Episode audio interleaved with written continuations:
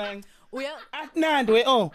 Uyabo manje. Yabona into engiyithandayo uSelby ngoba yena u right ngesimo sakhe sezibele zakhe namabele akhe Yeah. konke lokho ukushuthi uyakwazi kuyipotopotoza ngoba phela fanele uyipotoze uyicheck njengoba Okay, nathi yeah. thina abantu besifazane fanele uyipotoze uyicheck ukuthi azikho ni igaxa ezikhona Mina ke ngoba ngisebenza nani ngizocela ke ningibheke ngane zakwethu ningipoto poto zoba kuthiwa kahle hle awuzizwa kahle mawusuku uyiphatha wena uyabona so kudinga kube khona ozokuphatha umuntu akuthinte lapha kuphathe cha ngicela ukuyinikela ke ngiyayinikela kini ngicela ningithinteni ke ningizwe ngabe kuhamba kahle lapha kwezami izibele uyazi ukuthini? Uyibeka kahle khathide mawusho kanjalo ngoba khona ilanga hayi manje hayi la kwisidlo sasekuseni sasiyikhulumela nje. Ngisakhumbula kwakutheni kuthini? Sikhuluma ngayo indaba ye ye- ye ye- ye breast cancer nokuhlola impilo. Kudala nje wathi hayi phela umuntu akugxavune ah Cha. kuyahlolwa ngendlela zakhona uzobe sifundisa ku Dr Sandile Shabalala. Oh, tukeza. breast Dr. cancer. Sandile. Dr Sandile Shabalala uzobe khona esifundisa ngendaba yomdlavuza. Uya- yabona usungididile ke manje? Sengifuse ngijahe ukuthi afika sitshele ngoba ngesingisi it's male breast cancer. Kodwa ngapha esiZulwini angazi noma sisazothi umdlavuza wamabele noma Umdlavuza umdlavuza wezibele Wesibele. Umdlavuza wesibele. Isifo sake sahlukaniswa yini ngobulili khathithe isifo sinabo ubulili?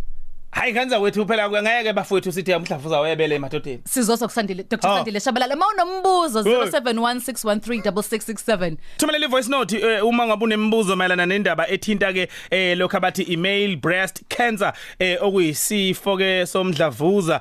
Wesibele emadodeni uzobe khona uDr. Sandile uzogeqa amagula eh, mayelana nayo ke email breast cancer. Mina ngi- oh male breast cancer. Pure. Yeah. Okay. No mina ngisafisa ukuthi sichazeleke. Mhm. Ngoba angiphiki ukuthi siyazi sonke ukuthi isibele ibele. Kodwa ngifisa ukwazi ukuthi ngo ngo kodokotela isingisi sodokotela yazi ibalule ibalekile lento le ibalekile kodwa ke ngicabanga ukuthi ubuzile ukuthi ngoko ngokwezifo nobulili Angithi phela enye into noncebo yebo inyawo. Ngowesilisa nginenyawo, nawe unenyawo. Right. Ngowesilisa nginamadolo, nawe unamadolo. Ngowesilisa nginamathanga, nawe unamathanga. Kodwa manje kunezinto ke e- e- ebese ihluka kancane singabizwa ngokufana. Right. Ngenxa ukuthi azimile ngokufana. right Amabele nezibele. So awamile ngokufana engicabanga ndingakho ngesizulu kungabizwa ngokufana kuzibele namabele ngoba awamile ngokufana yes namadolo ethu awafani awetha nokucija cija nje bese wenu eh eba nezinyamana ngincophela ngabantu besifazane. Uyabona?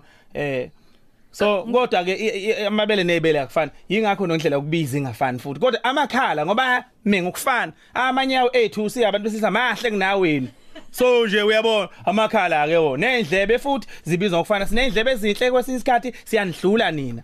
Nizanywa amacici nje. So kodwa ngenxa ukuthi kume ngokufana zindlebe konke. Uyayibona lonto? Yazi yazi usihliphizile khathethi cha ngenza isibonelo yazi usihliphizile Anjalo yazi manje. usihliphizile Eh. yazi usihliphizile Kuni- kuningi nawe manje ngikhombisa nokunye futhi okume ngokungafani nakho kubizwa ngokungafani futhi Sangiqonde mina ke ke ke ke Lesibutubutu esiwumandla lesi uthi hayi akuzona iphela kuphela ngoba kuningi nje Eh, Akufani. Hayi ngeke lesibutubutu Akubizwa ngokufana futhi. Sinezitho zendlamu. yeah Ngokuyeke sibu. Hayi, yekeni. Amajika asemzansi elokishini emakhaya nasedolobheni yithi ongakhona ukhozi FM luhamba phambili luhamba phambili Sakaza mkhulukazi ukhozi FM uhlelo isidlo sasekuseni uhlelo ntshatha esipeshetho kanye noNcebo Mackenzie kuze kuba ihora lesishiyaka lolunye all right. Eh uzasitshela ukuthi ngabe ke eh, yini le kwenza uthi ukhozi FM luya rocka eh ku 0893109193 eh ngokuhamba kwesikhathi lakho nasogicebeza ngo 2500 friends eh owethulela ngelokuthi ezinhleke ngaba kwa SA Natural Products kodwa kwamanje phila nesidlo sasekuseni Khona uDr Sandile Shabalala sikhuluma ngemale breast cancer. Sikubingelela sikwamukele doc. Asibingelele sisinengcebo sibingelele notshata. Nithe nina ukhozi lenze njani ngesizulu izolo? Luyababazeka. liyab awunakho Yeah. yiloko ngikuzwayo njalo mfowethu yes siyabonga. sibingelele kubalaleli Sikhuluma ngendaba ye ye male breast cancer namhlanje. Sithe ake sithole imibuzo evela eh kumlaleli wokhozi eh mayelana ke naso ke isifo somdlavuza. Si- nansi indaba mhlawumbe siyasiqale la. Eh siyazi ukuthi is- ibele siyazi ukuthi isibele kumuntu wesilisa. Uma sibeka kahle ngesizulu sithini masibhekise kumuntu wesilisa singalokho sithi male breast cancer? Kusho ukuthi sizothi umdlavuza wesibele. Umdlavuza wesibele. ngoba eh kumuntu wesilisa umuntu wesilisa akanalo ibele unesibele. Right. Mm. okay. Ngakho ke sizothi umdlavuza wesibele. Right ake sizokwena ke mlaleli 0716136667 umbuzo wakho ku Dr Sandile Shabalala Sicela nje ulalela siseke doc kunama voice note abalele bethu la uzuthi ngabe ke baphawula abathini ngalolu daba ngaphambi ukuthi singene odabeni. Alright Eh sanibonani emoyeni onibingelela usibongiseni ngwakhumalo ngila eMndozo ngasemagate nahlase Newcastle. Eh ngicela ukubuza mina ukuthi i le male cancer lokukhulunywa ngayo noma i cancer le yesibele eh i- igxile kangakanani kubantu besilisa ngoba ngiyaqonda ukuthi i- cancer ivamise kakhulu ukukhulunywa ukukhulunywa ngayo kubantu besifazane. So ngicela ukubuza la kumadoda ukuthi i percentage yakhona ingakanani kanti futhi yini engaba imbangela yayo i ilokhuza i- umdlavuza lo wabantu besilisa? And ungagwemeka kanjani uma ukuthi ikhona indlela yokuthi ugwemeke ngiyabonga. Ngikhuluma nomdu wakantsele kwamanje ngilapha egoli. Ngithi ake ngibuze lapha ukuthi njengoba nikhuluma ngomdlavuza lo wandile kubantu abana-40 thina sinabo ma-30 something. Mangakanani amathuba okuthi nathi siphathe mhlawumbe singakafiki kulowo 40 akhona kanye awekho funa ukuphenduleka nje lapho? Ake ngibonge. Cha ake ngibonge. Lele kuseni shata nonongcebo. Into engicele ngokubuza ukuthi lesigaqa uzichecka kanjani? Eh lapha kule ibele zethu thina abantu besilisa. Ngoba nami ekuseni njalo ngiyayichecka nje ukuthi ayikhona isimo se-right yini. Ubona kanjani ukuthi mhlawumbe sekuneqhutshanyana noma ubona kube sinabona qho out ayozolalela kudoktor ukuthi uzothini. Mbongiseni yendelo yendawo nasekubhalanki ngiyabonga. Mm okay. Eh cishe Dr uyizile ke eminye yabaleli yembuzo abaleli bethu esithemba ukuthi mhlawumbe uzoyithinta ke mangabe usuqhubeka eh uchaza ke kabanzi ngendaba ethinta ke isifo eh somdlavuza wesibele eh kubantu besilisa. Ya ang- angibonge angibonge tjatha okokuqala nje angithi lo mdlavuza umdlavuza ongavamile. Umdlavuza okuyethiwe uma kubhekwa ngokwama research utholakala kumuntu oyedwa kubantu aba 1000 so awuvamile kakhulu. Mhm. kodwa ngifisa ukuthi siqale sivumelane tjatha ngokuthi wonke umuntu uma ezalwa uzalwa enako lokho kuyizicubo okungenza ukuthi uma ethola ama hormone anele kwenzeke ibele kuyena ku- kungabi isibele. Lokho kukodwa kusho ukuthi unalo ithuba lokuthi eh, ube nawo ube nebele ubeke nomdlavuza wesibele. Kodwa futhi le le- lo mdlavuza uvame ukuthi uthinte abantu abaneminyaka ewu60 nangaphezulu. Awuvamile khona ubhuti othi 40 u40 siyayisunake kakhulu kumdlavuza wendlala le esithi prostate Mhm. eh sibona ngani ukuthi hayi ingathi khona okukhona?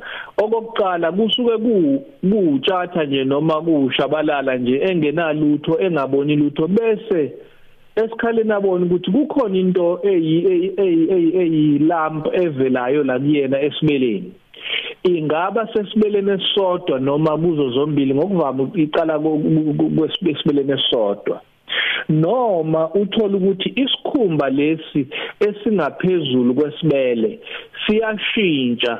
Uyabona ikhasi leli orange Mhm.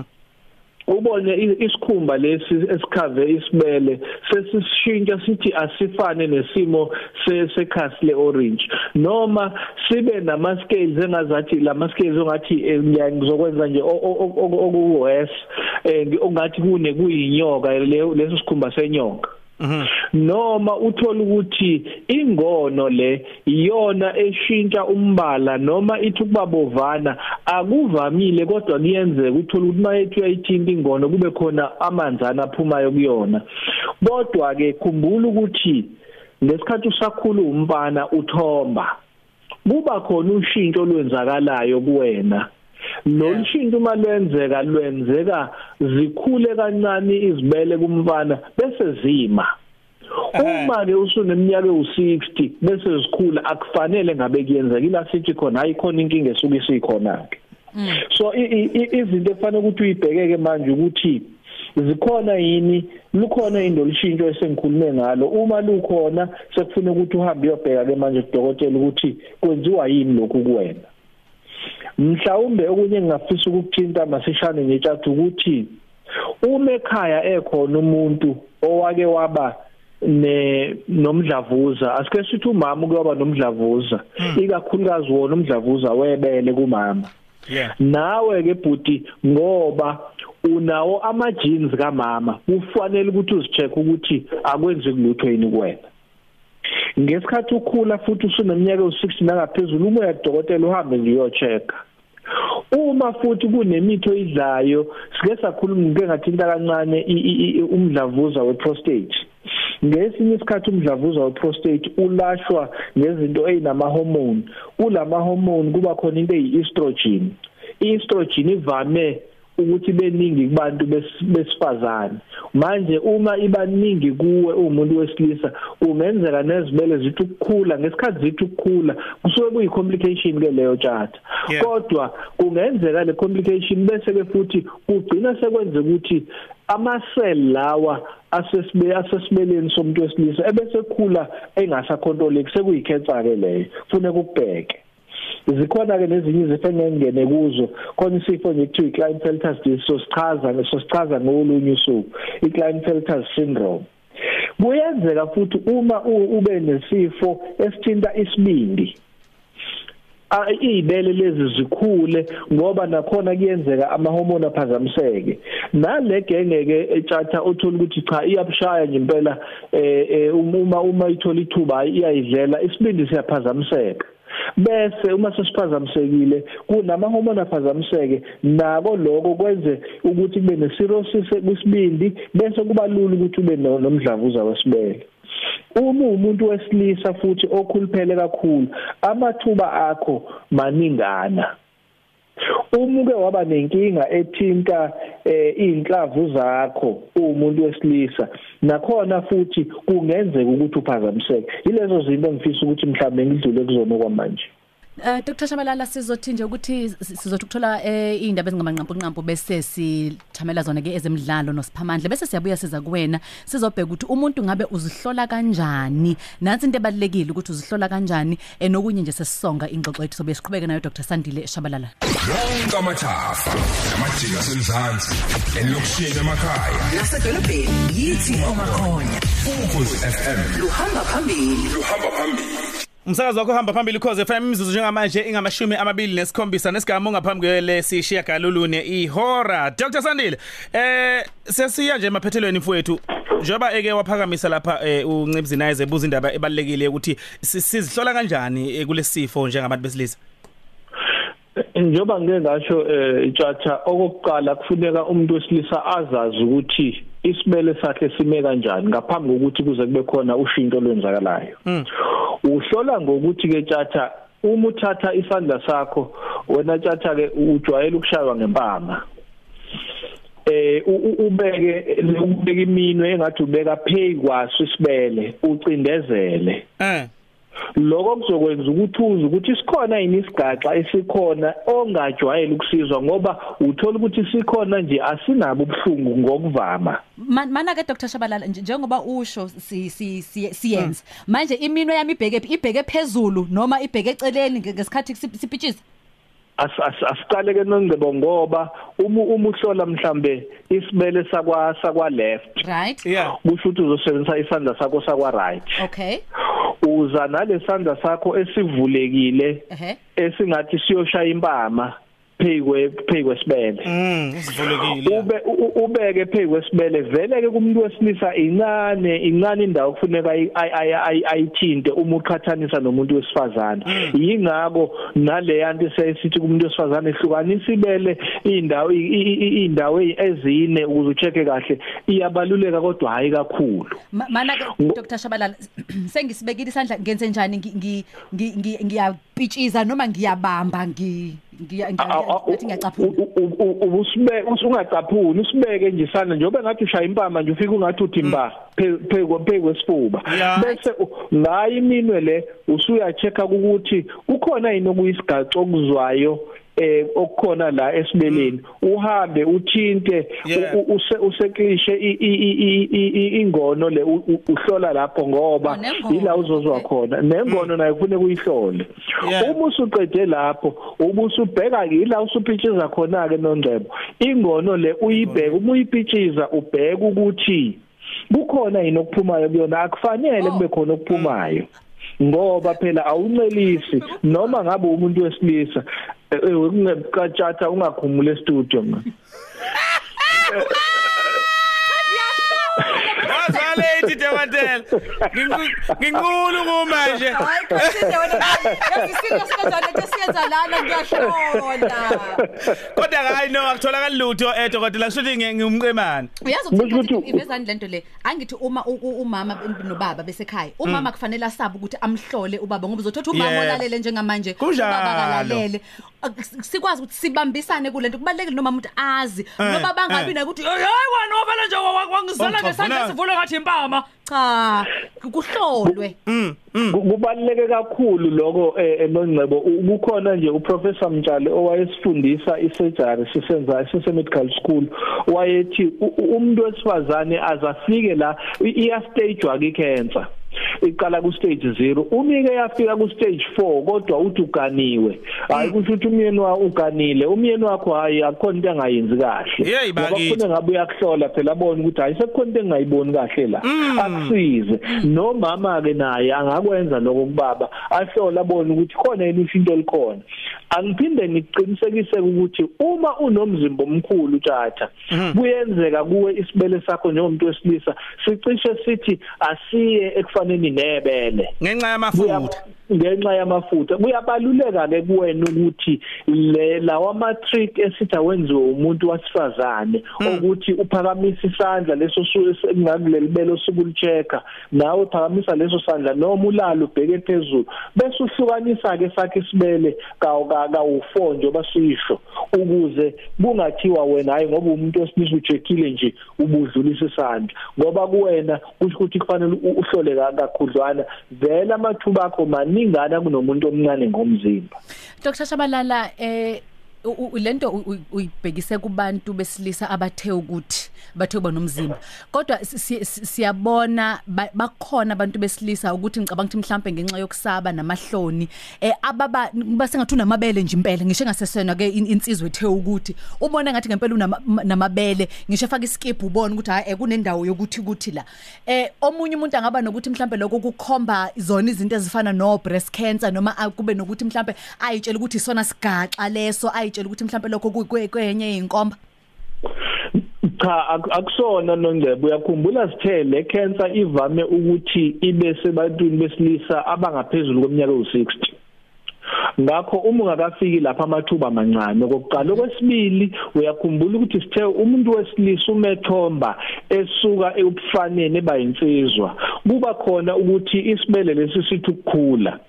Emva kokuba sesikhulile kwabanye asibe sisabuyele emuva sibe sincane. Ngakho uthola ukuthi unayo lento ukhula nayo nje akukho nkinga futhi kuleyo nto unjalo yena. Ingakho siyaye sithi musa ukuziqhathanisa mina ngisiqhathanise noTshatha ngoba ngenzeka ukuthi uTshatha bengingakaze ngiyibone lento kuye kodwa uyayazi ukuthi khona kukhona futhi izifo ezenzakalayo la sithi khona ngenxa lezo zifo izibele bese ziyanyuka noma kube khona izifo utreatwe for lezo zifo. Ngenxa ye complication uyakhumbula ngeke ngakhuluma ngokutreatwa kwe prostate usensi estrogen kuyenzeka izibele zithi ukunyuka amanye amaphilisi futhi eTB anazo izinto ezinjalo so ziningi izinto ezingenza ukuthi izibele zomuntu wesilisa zithi ukukhula ngaphandle kokuthi kube yicancer kuzwakala kahle kakhulu Dr Shabalala. Sibonga kakhulu ukuthi ube nathi namhlanje usifundise nga- ngaso ke isifo somdlavuza wesibele. Siyabonga kakhulu sibonge nakubalaleli bokhosi Danke dokotela. siyabonga. Dokotela.